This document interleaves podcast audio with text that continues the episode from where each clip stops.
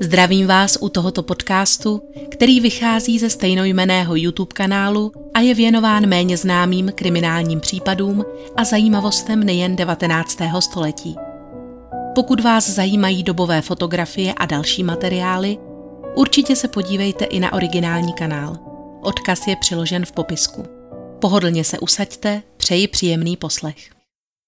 Zdravím vás u pokračování případu z minula – v první části byla řeč o zločinu samotném, tedy vraždě, k níž došlo roku 1908 na dobytkářské stanici v severním Queenslandu, známé jako Carpenteria Downs.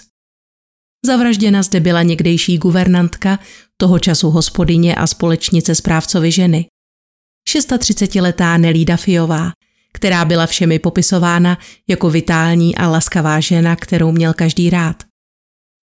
Jak se ukázalo během vyšetřování, někteří obyvatelé stanice ji měli skutečně velmi rádi, možná až příliš. Jiní ji pro změnu nemohli vystát. Na každý pád vzbuzovala u svých spolubydlících vášnivé emoce a někoho z nich zjevně přemohli natolik, že v noci ze 27. na 28. září podřízl Nelí v její ložnici hrdlo. Ani důkladné výslechy všech obyvatel stanice však nepřinesly nic nového. Zdálo se totiž, že i kdyby někdo něco zahlédl nebo zaslechl, rozhodně se s tím nebude svěřovat policistům. Přece jen se ale našli i tací, kteří byli do posud z výslechového maratonu vynecháni. Byl to například i vrchní skladník Darcy Day, milenec a údajný snoubenec oběti. Vzhledem k tomu, že poslední týden strávil na dovolené v Georgetownu a nemohl tak být do vraždy nijak osobně zapojen, nebyl policisty považován za osobu, která by mohla do případu vnést více světla. Do určitého okamžiku jim ostatně nebylo známo ani propojení tohoto muže s obětí. Až svědectví dvou domorodých služebných, Maud a Maggie, které jako první informovali vyšetřovatele o intimní povaze vztahu pana Deje a slečny Dafiové, je přiměla postoj přehodnotit. Náhle se ukázala být možným motivem žádlivost. Slečna Nelí podle všeho udržovala milostný vztah nejen s panem Dejem, ale rovněž i se správcem stanice panem Wilsonem a není vyloučeno, že tím výčet možných milenců nekončil. Nebylo žádným tajemstvím, že muži byli slečnou Nelí okouzleni, rádi vyhledávali její společnost a ona si tento zájem náležitě užívala. Dár si mohl mít v takovém případě zájem se nevěrné ženě pomstít. Svou nepřítomností si zajistit alibi a pověřit touto odvetou někoho ze svých přátel na stanici. On sám vypověděl, že se s Nelly intimně zblížil asi šest měsíců po jejím příchodu na Carpenteria Downs, avšak o ruku ji požádal teprve nedávno. Nebyl si ani jist, zda o tomto kroku kromě manželů Wilsonových někdo věděl – protože své záměry ostatním dosud oficiálně neoznámili. Zmínil také, že od doby, co se začal s Nelly intenzivněji stýkat, si povšiml výrazné změny v chování paní Wilsonové, která začala být občas až nepříjemně zvědavá a dotěrná. Zřejmě ji románek mezi skladníkem a hospodyní abnormálně zajímal. Není divu, zajisté věřila, že tento vztah učiní jednou provždy přítrž jakýmkoliv intimnostem s jejím mužem. To se ovšem, jak víme, nestalo. O tom, že by měla Nelly udržovat zároveň milostný poměr i se správcem stanice, nebylo jejímu snoubenci nic známo, tedy alespoň to tvrdil. Prohlásil také, že na Carpenteria Downs panovaly bezvadné vztahy. Nedocházelo zde k žádným třenicím a neexistovala ani sebe menší řevnivost. Buď to byl tedy pan Day opravdu velmi nevšímavý, nebo neříkal pravdu. Jak se vyjevilo později, nebyl by rozhodně jediný, kdo zde lhal. Když se podinspektor Bayern, pověřený vyšetřováním tohoto případu, zaměřil na děti domorodých zaměstnanců stanice, příliš mnoho si od toho nesliboval. Dvanáctiletý Johnny, nejstarší syn Maggie a Charlieho Stockmanových, se ale při jednom z těchto výslechů zmínil o okolnosti, která si plně získala policistovu pozornost. Uvedl totiž, že když šel toho pondělního rána 28. září za svítání ke kravám a míjel umývárnu, zahlédl škvírou mezi trámy paní Wilsnovou a Billyho, jak vyvařují v měděném kotli nějaké prádlo. Podle chlapce bylo sotva půl šesté a teprve se rozednívalo. To byla v skutku zajímavá informace. Thomas Frost totiž ve své výpovědi tvrdil, že slyšel paní Wilsonovou scházet dolů teprve až krátce před šestou, když byl on již dávno na nohou a připravoval v kuchyni čaj. Byl tedy přesvědčen, že ve chvíli, kdy jí v umývárně podával šálek, se teprve chystala prát. Nedokázal říci, zda měla suché či mokré ruce. Povšiml si pouze, že měla vyhrnuté rukávy a ve vodě již plavalo nějaké šatstvo. Překvapilo jej také, že zde krátce předtím natrefil na Billyho, který rozdělal iniciativně oheň ještě před jeho příchodem, přestože tím včerejšího večera pověřila paní Wilsonová právě Frosta. Pokud Johnny mluvil pravdu, bylo jasné, že byli i paní Wilsonová při výslechu nehovořili pravdu. Správnost časového údaje následně potvrdili i další zaměstnanci, Toby a pan Belderstone, které Johnny cestou zahlédl připravovat krmivo pro bíky a hřebce. Billy, který by mohl vnést do celé věci největší světlo, byl ovšem pryč a nikdo nevěděl, kde se právě nachází. Policie se o místo jeho pobytu dosud nezajímala. Nebyl ostatně do tohoto okamžiku se zločinem přímo spojován. Nyní se ovšem situace změnila a po mladíkovi bylo zahájeno rozsáhlé pátrání. Podinspektor Bayern byl přesvědčen, že byli vraždu buď to sám spáchal, nebo byl jejím svědkem a proto musel být odstraněn. Mátla jej především skutečnost, že se Billyho kůň klidně pásl ve výběhu na pozemcích stanice s nedoručenou poštou stále v sedlové brašně. Logičtější by bylo, kdyby na něm uprchlík odjel. Bayern tedy usoudil, že jej zde musel vypustit někdo z obyvatel stanice.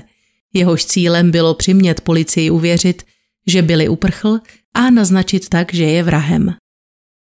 Desítky policistů i stopařů tak v následujících dnech pátrali v buši po zmizelém domorodém mladíkovi ve snaze nalézt jej živého či mrtvého a Fanny Wilsonová byla znovu vyslýchána. Striktně popřela, že by měla s vraždou cokoliv společného. Dle jejího názoru se Johnny musel ohledně uvedeného času zmílit. Svá podezření naopak nyní obrátila vůči domorodým zaměstnancům stanice – tedy jediným lidem, kteří podle ní mohli být za Nelínu smrt zodpovědní. Když už se podezření vůči japonským kuchařům Nakahamovi a Morimu ukázala být neopodstatněná.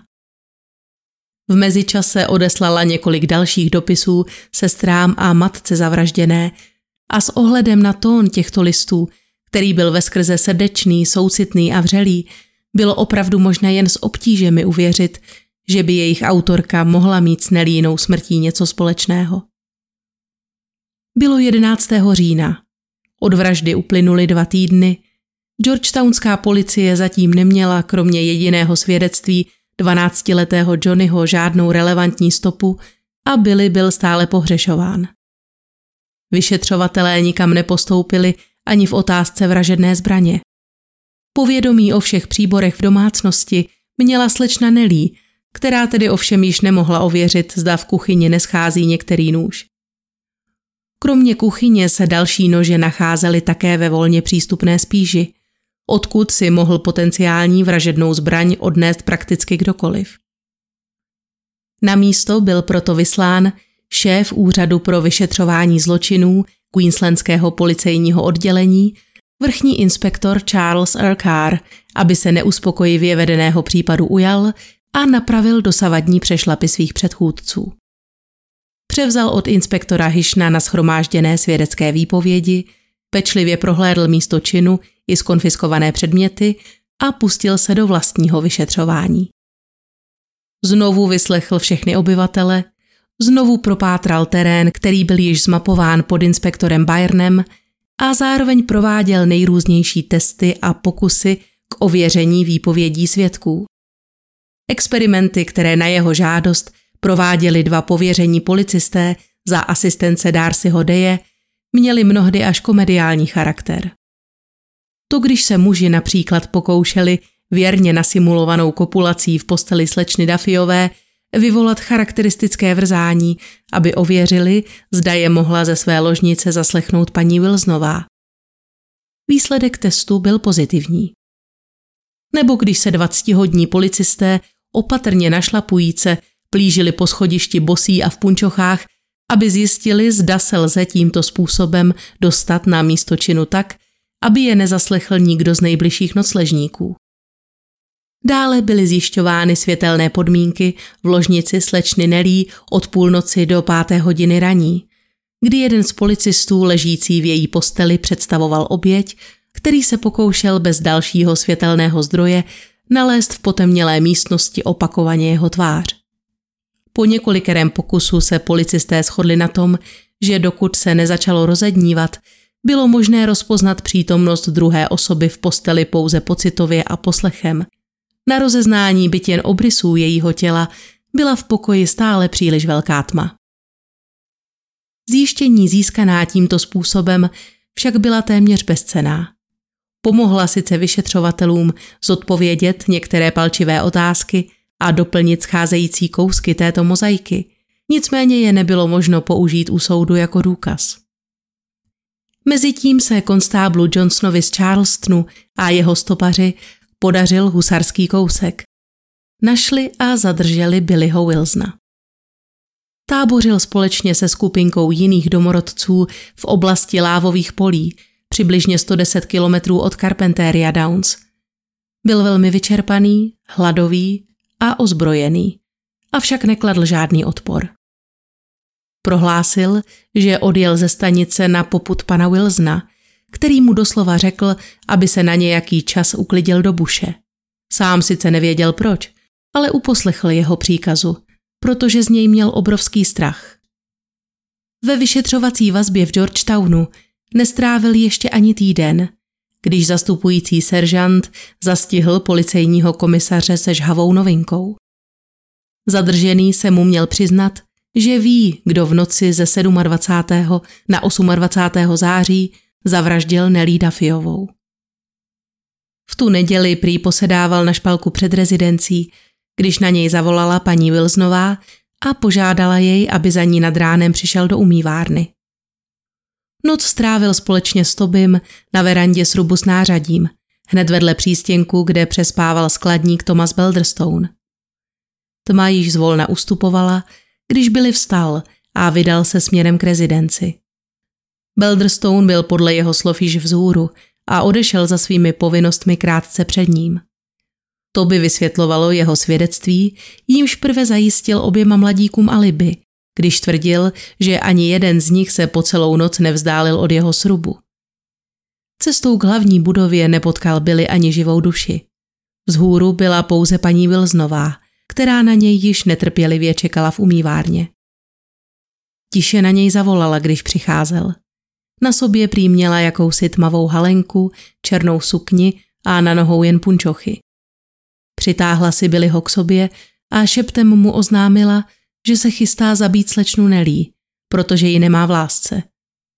V ruce se jí přitom myhl otevřený kapesní nůž s kostěnou rukojetí, který až nápadně připomínal ten, který patřil Alvinu Wilsonovi.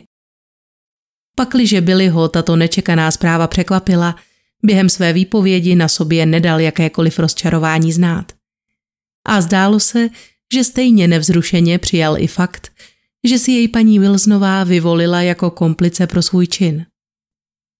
Potvrdil jí, že má u sebe zápalky a společně pak vystoupali potichu až k nelíným dveřím. Zde ho paní Wilsonová požádala, aby otevřel a rychle škrtl sirkou. Jakmile malý plamínek alespoň trochu prosvětlil místnost, vešli oba dovnitř. Slečnu Dafiovou světlo ani tlumené zvuky kroků neprobudili. Spala spokojeně dál, s levou rukou složenou pod hlavou a pravou pod přikrývkou. Zápalka rychle dohořela, ale oba měli nyní poměrně jasnou představu o tom, kde se nachází postel, kde nelína hlava i její krk. Nebe začalo pomalu šednout blížícím se svítáním. Billyho úkolem bylo přidržet Nelí ruce, aby se nemohla vzpouzet. Sama paní Wilsnová se mezi tím sklonila nad její tvář a jakmile mladík uchopil spící ženu za obě zápěstí, správcová jí silně přitiskla na ústa bílý kalikový kapesník a pravou rukou jí do hrdla vrazila nůž. Slečna Dafiová několikrát tlumeně zachrčela a trochu se pohnula. Ještě hodnou chvíli přidržovala paní Vilznová kapesník na tváři oběti, než vytáhla nůž z rány. Billy uvedl, že v tu chvíli z hrdla slečny Nelí vytryskla krev, která potřísnila podlahu i přikrývku.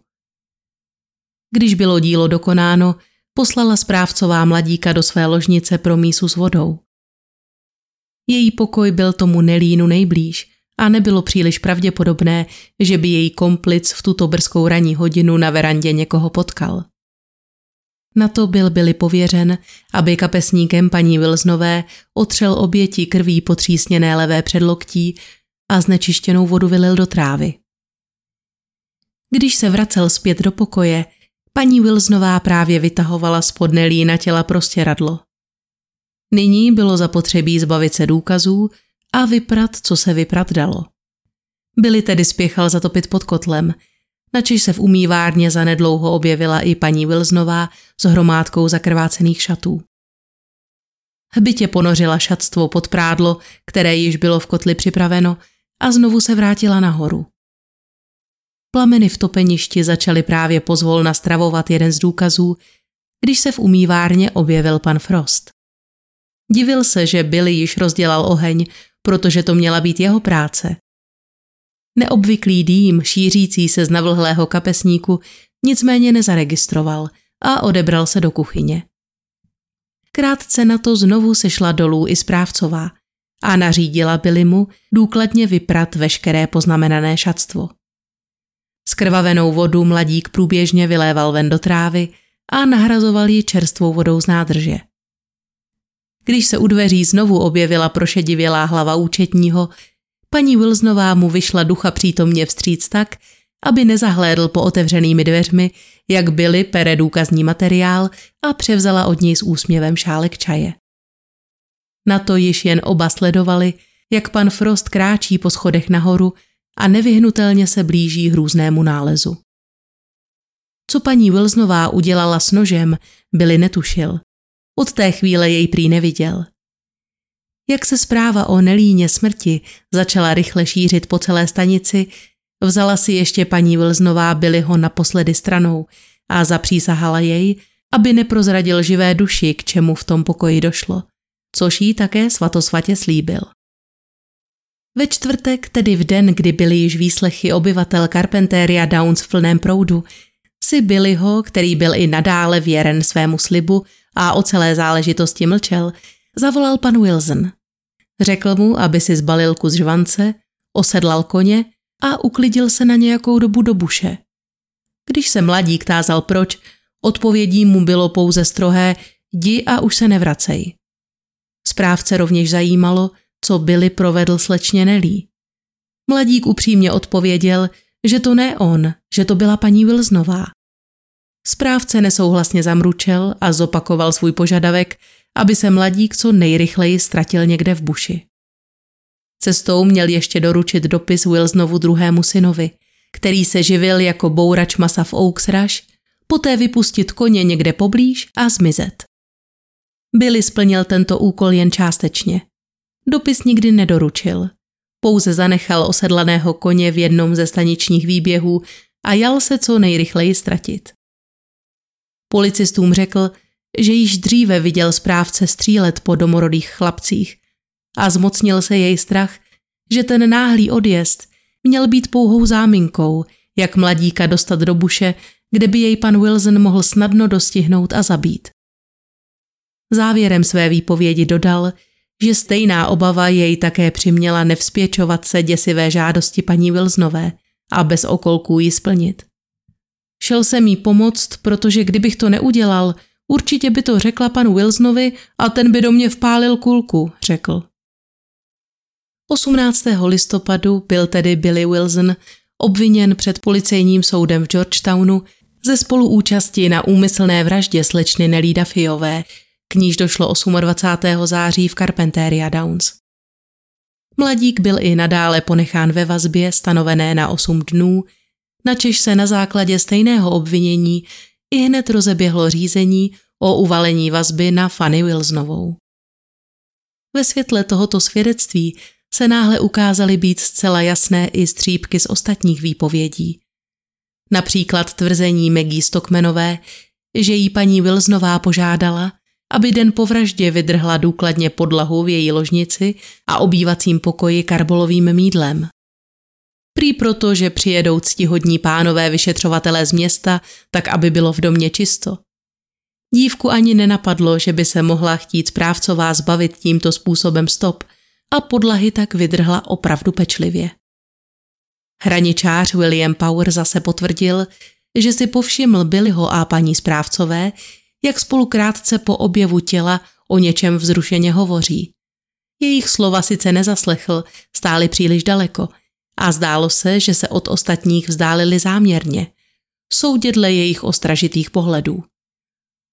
Rovněž prohlásil, že nůž označovaný jako vražedná zbraň je ten týž, který mu v pátek přinesl k nabroušení Alvin Wilson. Důvodem, proč bylo nyní zapotřebí naostřit nůž, který nebyl údajně broušen celá léta, bylo, že se s ním mladý pan Wilson chystal kastrovat mladé bíky, alespoň to tvrdil. Otázkou ovšem zůstávalo, byl-li vražednou zbraní skutečně nůž Alvina Wilsona, věděl jeho majitel o činu, k němuž byl použit? Ve své výpovědi tvrdil, že jej před usnutím položil na noční stolek a ráno jej zde také nalezl. Mohla se paní Wilsonová v noci nepozorovaně vplížit do pokoje, kde spal, nůž si zapůjčit a opětovně jej omytý vrátit, aniž by si toho mladý muž všiml? Zarážející byla také míra posmrtné stuhlosti. Podle Billyho tvrzení muselo k vraždě dojít po páté hodině ráno. Pan Frost, který se těla poprvé dotkl, což bylo krátce před šestou, tvrdil, že bylo již stuhlé.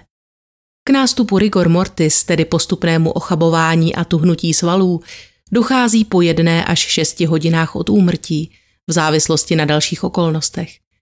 A ačkoliv vycházíme pouze z výpovědi a dojmu člověka bez odborných zkušeností v oblasti kriminalistiky, lze usuzovat, že míra stuhlosti jím popisovaná neodpovídá zmiňovanému časovému úseku. Toto svědectví na každý pád kompletně zamíchalo kartami a vyvolalo řádný skandál.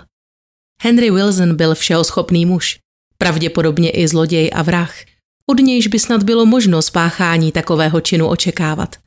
Ale jeho žena, slušná, spořádaná a zbožná paní Wilsonová, o níž nikdo nemohl říci křivého slova?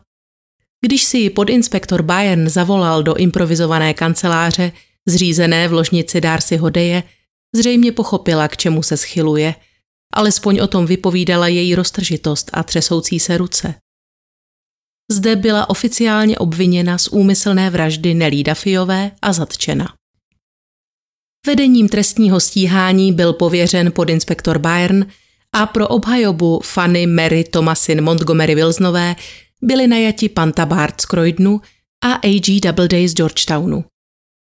Poté, co byla soudu předložena pitevní zpráva, včetně místo přísežného prohlášení doktora Monyho, seznam léků nalezený na Carpenteria Downs, vzkaz Henryho Wilsona určený konstáblu Reynoldsovi a především kopie zprávy o dramatickém prohlášení Billyho Wilsona, byl tento předvolán na svědeckou lavici, kde pod přísahou zopakoval svá předchozí slova a znovu označil paní Wilsonovou jako iniciátorku a vykonavatelku vraždy.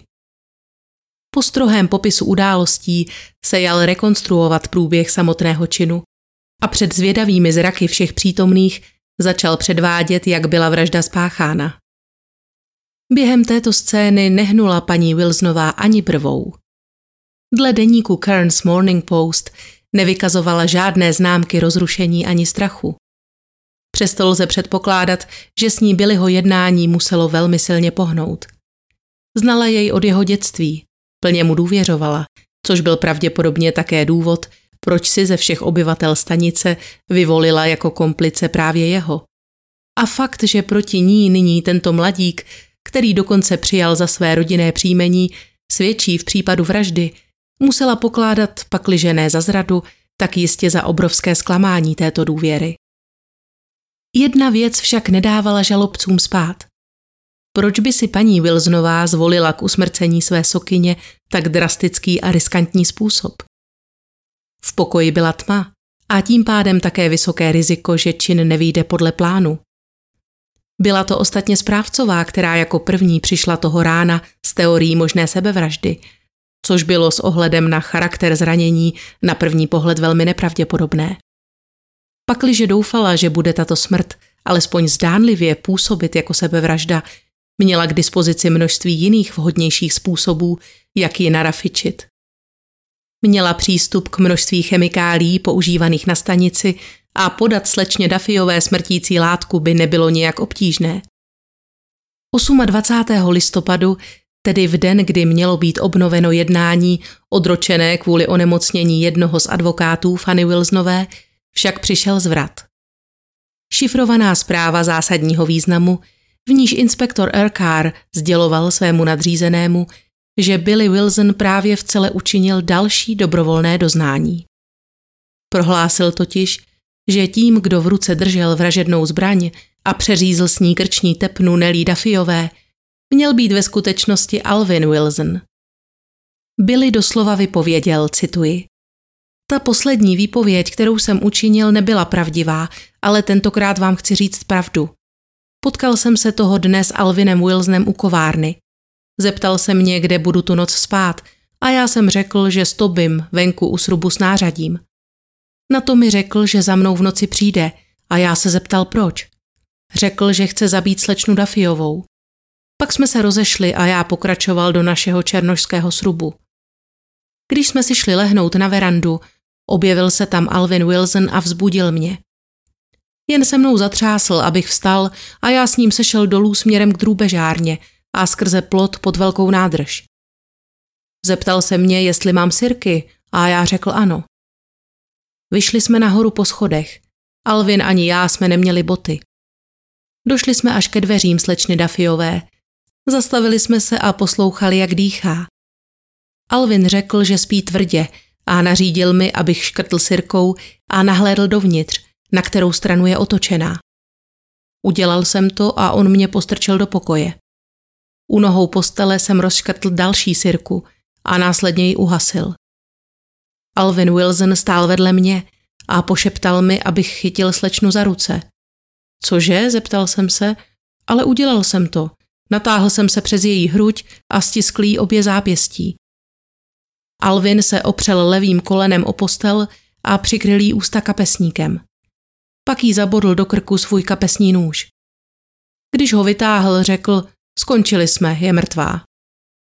Šel jsem si tedy znovu lehnout a ráno rozdělal oheň pod kotlem.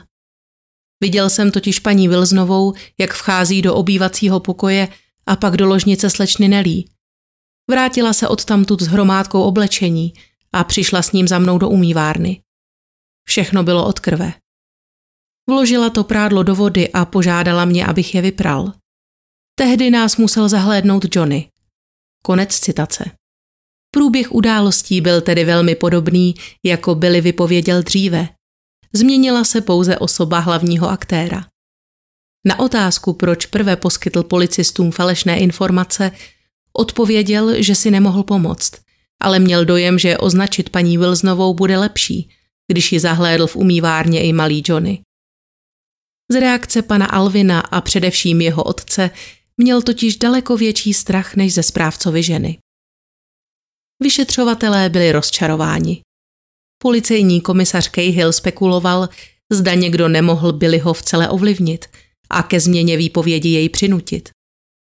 Inspektor Erkard to sice nepovažoval za pravděpodobné, ale tuto možnost ani nevyloučil. Další otázkou bylo, zda vůbec existují nějaké důkazy, které by mohly Billyho výpověď ohledně totožnosti pachatele potvrdit. Jenže stejně jako v případě Fanny Wilsonové, ani proti jejímu nevlastnímu synovi neměla obžaloba v ruce vůbec nic. Zajištěný nůž byl důkladně vyčištěn a na ostří ani rukojeti nebyla nalezena jediná stopa krve. Alvin sice při výslechu tvrdil, že měl na sobě druhý den stejné šaty jako v předvečer vraždy, a toto oblečení ani pyžamo nebylo vypráno. Mohl ale stejně tak dobře lhát. Prodleva mezi ohlášením vraždy a příjezdem konstábla Reynoldse, který jakožto jediný představitel zákona na místě činu nezahájil vyšetřování právě ideálním způsobem, skýtala mnoho příležitostí k odstranění všech stop a důkladnému úklidu. Kuchař Mory například vypověděl, že si to ráno po vraždě všiml nějakých skvrn na podlaze v obývacím pokoji, tedy místnosti sousedící přímo s Nelínou ložnicí. Do příjezdu kompetentních osob však byla podlaha kompletně vydrhnuta. Neexistoval jediný důkaz. Celá obžaloba stála a padala z výpovědí korunního svědka, jehož důvěryhodnost byla nyní notně otřesena. Dramatické obvinění Alvina Wilsona pochopitelně zacloumalo veřejným míněním a šokovalo společnost, která vývoj případu den po dni dychtivě sledovala. Již tak dost zapeklitý případ se stal ještě komplikovanějším. Kdo byl tedy skutečný vrah a kdo se jen snažil někoho krýt? Pro obhájce paní Wilsonové to byl nicméně jasný signál, že pokud Billy hovoří pravdu, jejich mandantka může být obviněna maximálně ze zatajování důkazů. Tato verze ostatně také lépe korespondovala s přibližným časovým odhadem doby úmrtí na základě míry posmrtné stuhlosti. Na druhou stranu ale v případě Alvina Wilsona nebyl znám jediný možný motiv. Zatímco správcová měla důvodů, proč se nelí zbavit dostatek a evidentně se pokoušela zahladit stopy.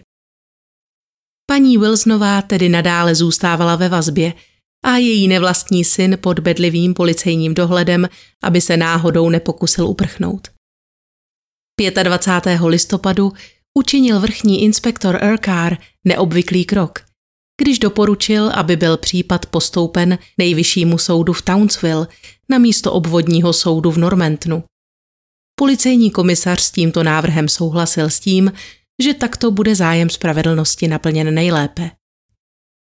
Na nádraží, odkud měly dvě dosud jediné oficiálně obviněné osoby v tomto případu odcestovat do Townsville, se mezi tím již schromáždil početný dav, aby si je mohl pečlivě prohlédnout. Zahlédli ovšem jen spoutaného Billyho. Jeho společnice byla zahalena od hlavy až k patě, aby těmto lačným pohledům senzacechtivého davu unikla. Do cílové stanice dorazili 10. prosince. Zatímco Billy byl transportován do věznice Stewart's Creek, paní Wilsonová pokračovala okamžitě do ordinace místního lékaře, kde byla vyšetřena ohledně svých zhoršujících se srdečních obtíží. Ty byly také příčinou častých a hlasitých stížností jejich obhájců. Dokonce i lékař uznal, že pro ženu v jejím stavu je pobyt ve věznici vyloženě život ohrožující. Téhož dne, kdy Fanny Wilsonová poprvé prošla jejími branami, tak podali její právní zástupci žádost o propuštění na kauci. Ta byla přijata, výše kauce stanovena na tisíc liber, během čtyř dnů také uhrazena dvěma zámožnými přáteli Henryho Wilsona z okresu Etheridge a žena měla být nadále vyšetřována na svobodě. Z vězení byla Fanny Wilsonová propuštěna 14. prosince – a v doprovodu svého bratra Roberta Perota, který ji intenzivně navštěvoval již ve vazbě v Georgetownu, neprodleně odcestovala do rodného domu v Heraldstoneu, kde nalezla útočiště již během mnoha životních turbulencí. Necelý týden poté se v tisku objevila další šokující zpráva. Stanici Carpenteria Downs znovu navštívila smrt.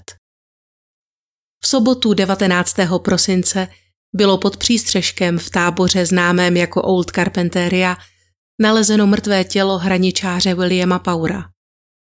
Tábor, který se nacházel poblíž východního břehu řeky, na půl cesty mezi stanicí a Inasly, pravidelně využívali kočovníci, prospektoři a dříve i sám Paur, když opravoval nedaleké hrazení. Objevil jej muž z Inasly, který se zde měl s Paurem setkat kvůli prodeji bíků. Nalezl jej pod přístřežkem, jak leží na zádech s roztaženýma nohama a vyplazeným jazykem, bílý jako stěna. Někdo jej střelil do hrudi. Podle lékaře, který dorazil na místo v doprovodu policistů ještě téhož večera, byl muž mrtev přibližně 4 až 5 hodin. Na slavníku necelé tři metry od neboštíkovy hlavy ležela Winchesterovka, hlavní směřující k tělu a prázdnou nábojnicí ráže 32 v závěru. Složená deka používaná jako polštář byla zcela nasáklá krví. V okamžiku výstřelu tedy Power zřejmě seděl na slamníku a soudě dle několika krvavých otisků jeho bosých nohou se muž dokázal poté, co jej výstřel odmrštil, zvednout ze země a urazit těch pár metrů, než se bezvládně zhroutil na podlahu. Alespoň takový byl názor přivolaného lékaře. V okolí se kromě otisků chodidel pana Paura nenacházely žádné další stopy. Otázkou tedy bylo, zda by se muž dokázal touto zbraní v sedě zastřelit sám. Pokud nic jiného, rozhodně to tak mělo vypadat. Náboj, který musel opustit tělo pod mužovou levou lopatkou a skončit v dřevěném obložení nebo na podlaze, však nebyl k nalezení. Zajímavou skutečností rovněž bylo, že byl William Power jen několik dnů před svou smrtí ze služby v Carpenteria Downs propuštěn. Vyjádření Henryho Wilsona v této věci znělo, že muž již nevykonával svou práci tak dobře jako dřív a častokrát se stávalo, že Scott unikal nedostatečně spevněnými ohradami mimo pozemky stanice. Správce též naznačil, že Power v poslední době hodně pil, což ovšem popřeli jeho přátelé. Podle nichž to byl tichý, klidný muž, který toho příliš nevydržel a po dvou třech locích obvykle usnul. A střízlivý byl rozhodně dle jejich slov i toho večera, než odjel ze stanice do tábora Old Carpenteria. Začínalo se pomalu proslýchat, že za jeho propuštěním mohlo stát ve skutečnosti něco úplně jiného než ledabilá práce. Kočí Sam Cousins prohlásil, že správce prý nabídl Paurovi sto liber, když u soudu odpřísáhne, že nůž, který před vraždou nabrousil, nepatří jeho synovi, ale jinému zaměstnanci stanice. Power to ovšem kategoricky odmítl.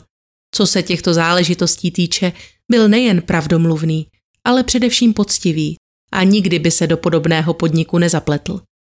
Což ho zřejmě stálo život. To si alespoň myslel Darcy Day, jehož přítelova smrt nejen zaskočila, ale především k smrti vyděsila. Dobře věděl, že Henry Wilson je ten typ muže, který se neváhá pomstít komukoliv, kdo nevyhoví jeho požadavkům nebo mu jakkoliv skříží cestu.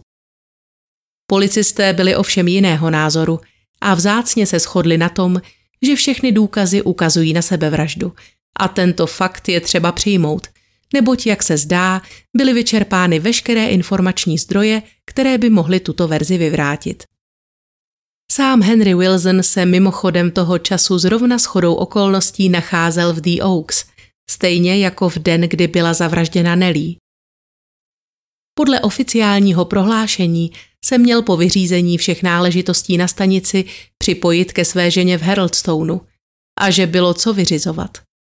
Jak se ukázalo, tříměsíční neplacené volno, které dostal od svých zaměstnavatelů, nebylo ve skutečnosti ničím jiným než přípravou na jeho nenápadný odchod z funkce manažera Queensland Meat Exporters. Veřejnosti rovněž neuniklo, že i samotná společnost, neboli její hlavní představitelé, se během celého vyšetřování tohoto případu drží až překvapivě zpátky, alespoň co se mediálních vyjádření týče.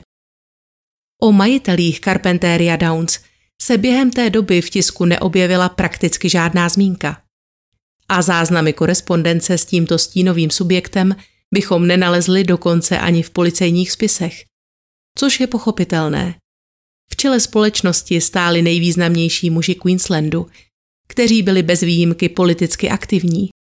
Pokoušeli se tedy chránit své dobré jméno všemi prostředky a vyvíjeli silný tlak na to, aby byl obraz Queensland Meat Exporters pokud možno co nejvíce profesionální a bezúhoný a již jen pouhý stín podezření vůči Henrymu Wilsonovi a jeho rodině tuto pověst značně pošramotil. Není tedy divu, že byl ze svého místa tiše a nenápadně odejít. Předmětem mnoha spekulací a rovněž novinářských výzev vůči úřadům se stal též možný vliv této společnosti na průběh vyšetřování. Redaktoři deníku Truth se ku příkladu otevřeně tázali, proč nejsou podnikány patřičné kroky k tomu, aby byla vražda Nel Dafiové prošetřena tak důkladně, jak jen to zákon umožňuje, a zda Queensland Meat Exporters nemohla svým vlivem působit na pozadí vyšetřování a pokud ano, tak jak?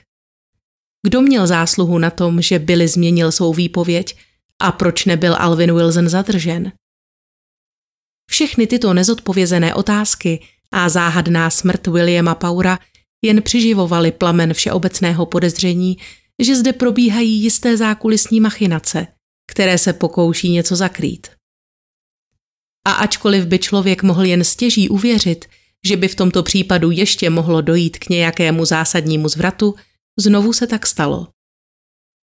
24. prosince byla zveřejněna zpráva, která opět vychýlila vyšetřování ze svého dosavadního směru.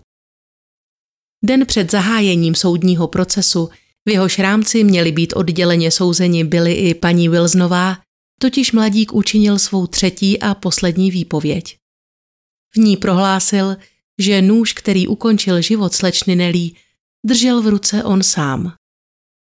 Pro tyto účely mu jej zapůjčil Alvin Wilson, který pak také sám přidržoval slečně Dafiové ruce, zatímco jí byli přitiskl na tvář kapesník a podřízl hrdlo. Počinu muži nůž pečlivě omily a byli pak společně s paní Wilsonovou zlikvidoval všechny důkazy právě tak, jak uvedl prve.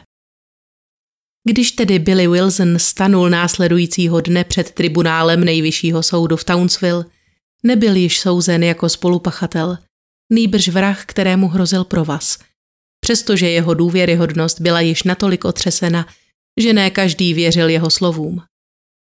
Ve věci právního zastoupení měl mladík mimořádné štěstí. Ministerstvo vnitra prostřednictvím vrchního protektora jmenovalo jeho právním zástupcem mladého nadějného právníka R.J. Douglase, který měl v Townsville soukromou praxi a stál v té době na Prahu své budoucí slovutné kariéry. Jako první spochybnil Douglas podmínky, za nichž bylo získáno první přiznání obžalovaného. Když Johnsonovi muži objevili Billyho v buši, zadrželi jej jako zločince a odvedli na stanici v poutech, a to přesto, že byl zatím jen pouhým svědkem. Dokonce jej na této cestě připoutali přes noc řetězem ke stromu, aby nemohl uprchnout, přestože se o to nijak nepokoušel. Obhájce byl přesvědčen, že první výpověď neučinil byli z vlastní vůle, nýbrž k ní byl přinucen policejním nátlakem a výhruškami. Naznačil, že každý v soudní síni, kdo ví něco o místních domorodcích, si je jistě také dobře vědom, že je možné přimět je říci prakticky cokoliv, co si dotyčný bude přát. A dle jeho vlastního názoru nebylo pochyb o tom, že každé jednotlivé bylyho přiznání vzniklo na základě jiného tlaku zvenčí. Obžaloba naopak trvala na hodnověrnosti mladíkova přiznání. Bylo nad slunce jasnější, že neunesl tíhu svědomí a konečným doznáním se rozhodl tohoto břemene viny zbavit. Jeho útěk počinu byl pak v tomto světle vnímán jako zřejmý pokus, jak se vyhnout spravedlnosti. Kolem třetí hodiny odpoledne se porota odebrala k poradě, jenže minulo deset večer a její členové se stále nedobrali jednomyslného verdiktu. Soud měl tak pokračovat následujícího dne, ale ani ráno nebylo moudřejší večera. A předseda poroty tak oznámil soudci, že dosud nedošlo ke schodě a není zde ani žádná vyhlídka na to, že by se členové poroty mohli ve věci odsouzení Billyho Wilsona vůbec kdy dohodnout. Jeho případ byl tedy odročen, mladík transportován zpět do své cely a na řadu přišlo řízení Fanny Wilsonové. Ta vstoupila do soudní síně celá v černém, s obličejem zahaleným několika vrstvami závoje. Tvář poodkryla pouze ve chvíli, kdy byla přednášena obžaloba vůči její osobě. Na dotaz, zda je vina či nevina v případě úmyslného a nezákonného zabití Ellen Imeldy Duffyové, odvětila pevně, že nevina. Nedošlo ještě ani na první svědeckou výpověď, když státní zástupce pan Jameson požádal jeho ctihodnost s ohledem na jisté záležitosti, které vyšly najevo v posledních dnech, čímž měl pochopitelně na mysli další Billyho výpověď, pro paní Wilsonovou o nole prosequí, neboli zjednodušeně řečeno o upuštění od stíhání a soudního řízení. Nejedná se o sproštění viny. Obviněná by tedy mohla být v tomto případě pro stejný trestný čin, na rozdíl od vynesení osvobozujícího rozsudku, kdykoliv souzena znovu, pokud by byly mezi tím naschromážděny další důkazy o její vině. Soudce této žádosti vyhověl a paní Wilsonové bylo umožněno opustit v doprovodu svých advokátů soudní síň. Během druhého procesu s Billym Wilsonem, který započal 1. června roku 1909, byla tedy předvolána již jen jako svědkyně. Žalobci mezi tím neotáleli a tentokrát předstoupili před porotu vyzbrojeni novými argumenty a možnými motivy. Dosud se pracovalo pouze s teorií, že mladíka k vraždě přiměl někdo jiný, neboli že jednal na objednávku. Nyní tak byly poprvé předneseny důvody, na jejichž základě se mohl byli rozhodnout zabíjet zcela z vlastní vůle. Nesmíme zapomínat na jeho vztah se služebnou mód, dívkou, která byla hospodyni z nepochopitelných důvodů trnem v oku a často zakoušela její hněv. Ke všem ostatním byla laskavost sama, pro mód však nikdy dobrého slova neměla, jen bytí, křik a urážky. Se zlou se potázala i v okamžiku, kdy obeznámila slečnu Dafiovou se svým plánem provdat se za Billyho a odstěhovat se z Carpenteria Downs. Slečna Nelly to tehdy rezolutně zamítla, byť k tomu neměla jakožto hospodyně nejmenší pravomoc a rozmetala tak na prach veškeré Billyho sny. Tvrzení obžaloby tedy znělo, že se mladík rozhodl ženě, která mu bránila ve štěstí pomstít a zároveň se tak této jediné překážky jednou provždy zbavit. Na řadu přišly výpovědi svědků. Jako první předstoupila paní Wilsonová a na první pohled bylo zřejmé, že jí změna role v celém případu viditelně prospěla. Uvedla, že slečna Dafiová mod skutečně velmi často švihala jezdeckým byčíkem a ona sama tomuto bytí, vymkloli se příliš kontrole, učinila několikrát přítrž. Přesto připustila, že toto jednání nebylo tak zcela neopodstatněné, protože Módí byla zlomyslná, mstivá a také velmi líná. Henry Wilson, jehož výpověď následovala, popřel, že by kdy nařídil Billymu, aby se uklidil ze stanice. Obžalovanému příliš neprospěl ani prohlášením, že se dle jeho vědomí umí velmi dobře ohánět nožem.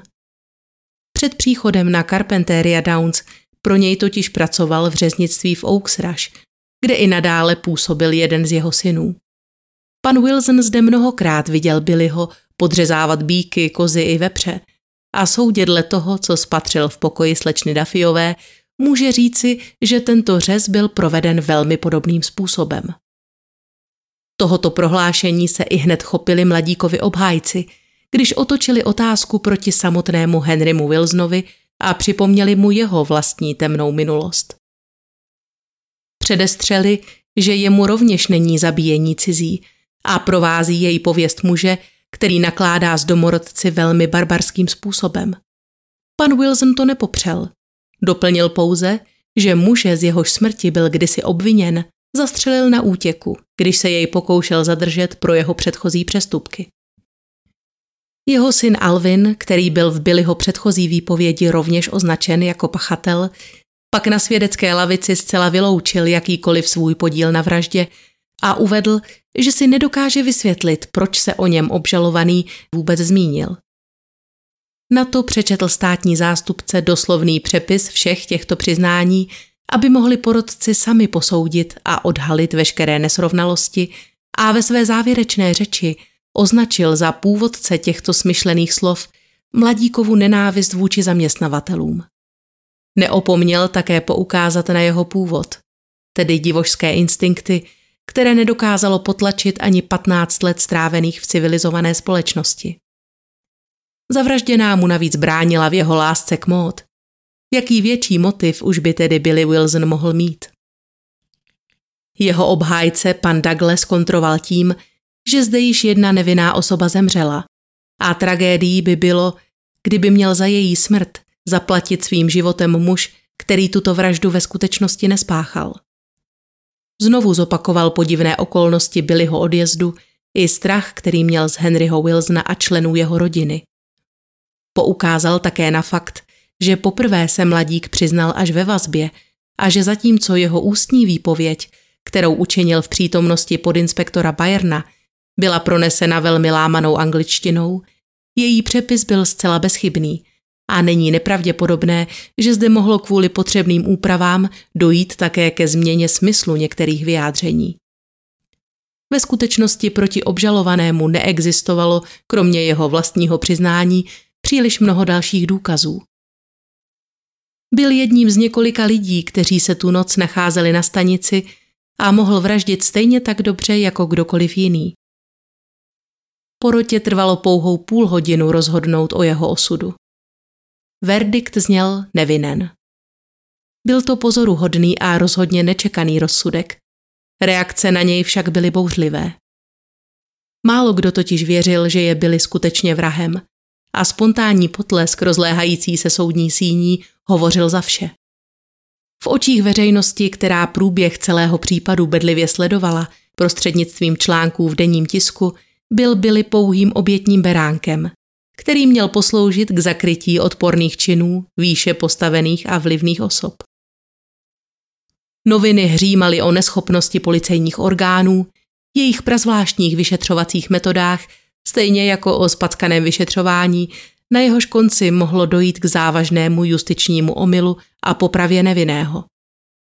Poukazovali také na smrt Williama Paura, která byla zcela zametena pod koberec s označením sebevražda a s chodou okolností k ní došlo právě před prvním soudním procesem, kde měl muž usednout na svědeckou lavici a svědčit v neprospěch paní Wilsonové a jejího nevlastního syna. Celý tento případ, způsob jeho vyšetřování i otevřený konec, to vše bylo pro místní občany plivancem do tváře spravedlnosti a hlavně také podněcovalo vznik nejrůznějších teorií. Většina lidí byla přesvědčena, že hlavním iniciátorem zločinu nebyl nikdo jiný než sám Henry Wilson osobně. Muž z pověstí násilníka a necity s nadprůměrnou slabostí pro něžné pohlaví. O tom, že si policisté byli dobře vědomi, s kým mají tu čest, svědčí i jeden z důvěrných dopisů, jehož autorem byl jistý nejmenovaný vysoce postavený důstojník. Uvádí v něm, cituji, je všeobecně známo, že Wilson je velmi chlípný muž. Říká se také, že na jeho stanici nikdy nebyla guvernantka, s níž by se nesnažil seznámit nebo intimně zblížit. Rovněž bylo oznámeno, že dcera správce z jiné stanice, jistá slečna C, odjela asi před 12 měsíci údajně ve společnosti slečny Wilsonové, tedy dcery pana Wilsona, na jich za účelem provedení potratu. Jeden jeho přítel mi řekl, že ten muž udělá cokoliv, aby uspokojil svoji sexuální vášeň. Je popisován jako chladný, bezcitný, vypočítavý darebák, pokud jde o dívky nebo ženy, a že není nejmenší šance, že by někdy řekl nebo udělal cokoliv, co by ho v případě viny prozradilo. Rovněž by se uchýlil k jakýmkoliv prostředkům, dokonce i k vraždě, aby zničil jakýkoliv důkaz, o němž by si myslel, že by mohl být použit proti němu. Konec citace. Myšlenka, že se mohl chtít zbavit nepohodlné milenky, se přímo nabízela.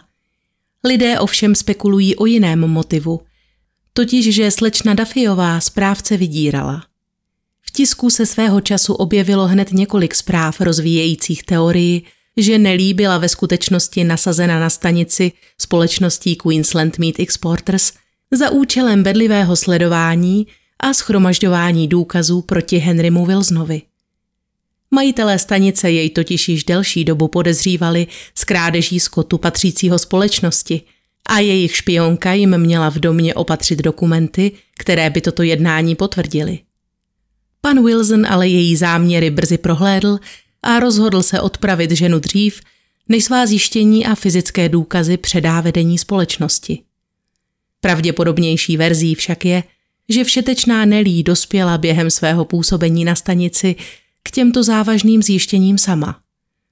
Tuto verzi, která bývá v Austrálii nejčastěji zmiňována dodnes, zastává i historička Stephanie Bennettová, která se ve své knize The Murder of Nellie Duffy pokouší celou událost zrekonstruovat.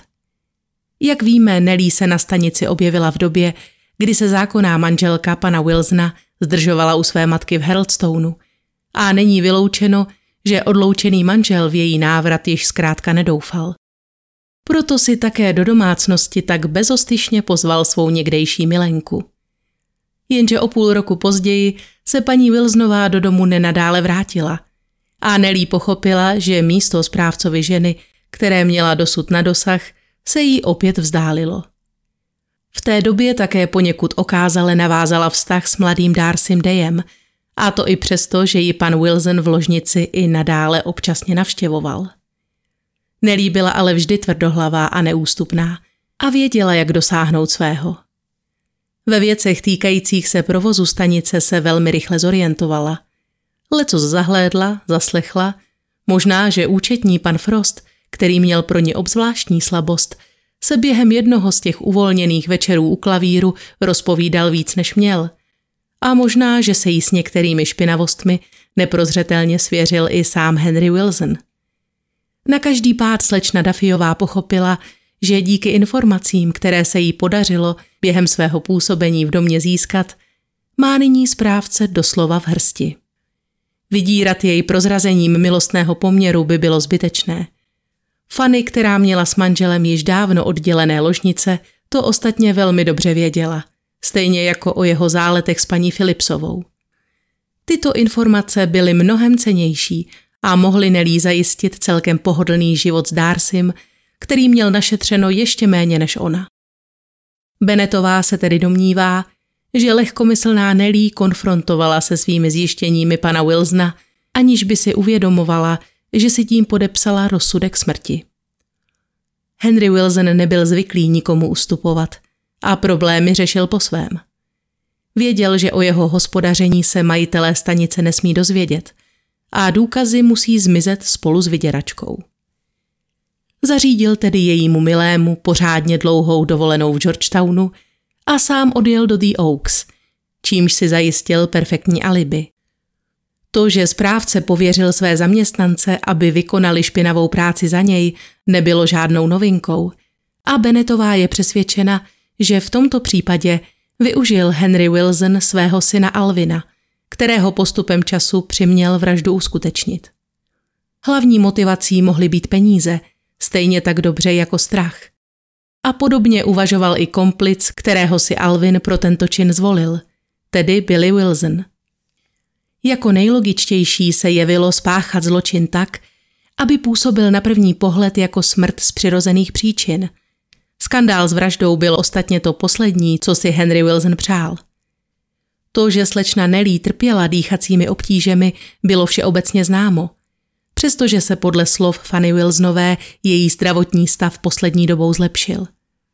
Kapesník pevně přitisknutý na ženinu tvář a následné udušení by jistě působilo mnohem přirozeněji. Benetová spekuluje, že tento perfektně vymyšlený plán ale selhal. Nelí se možná probudila, začala se bránit a Alvin se rozhodl použít jistější prostředek, který měl při ruce. Svůj čerstvě nabroušený nůž. I on měl s podřezáváním hospodářských zvířat bohaté zkušenosti a dokázal by, na rozdíl od paní Wilsonové, provést tuto práci bezchybně i pod mě.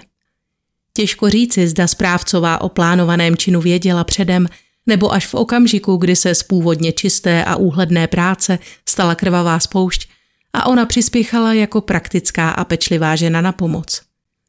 Bylo žádoucí, aby se po takto spackaném činu Objevil Henry Wilson na místě dříve než policisté, čemuž snad nevědomky napomohl pan Frost. Ať už byl skutečným vrahem kdokoliv, zdálo se, jako by se všichni obyvatelé stanice spojili a spolupracovali za jedním jediným účelem.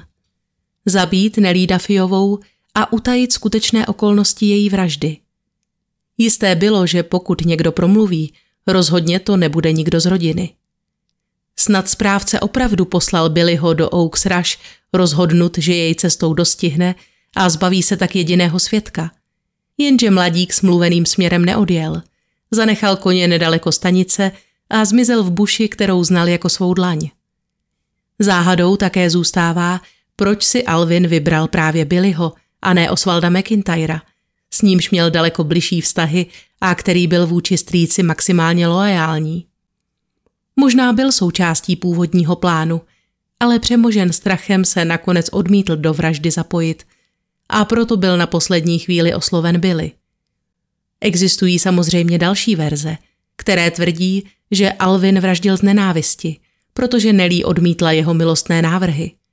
Nebo také, že se nacházela v raném stádiu těhotenství, které lékař během pitvy neodhalil a právě nenarozené dítě mělo být tím pravým motivem vraždy.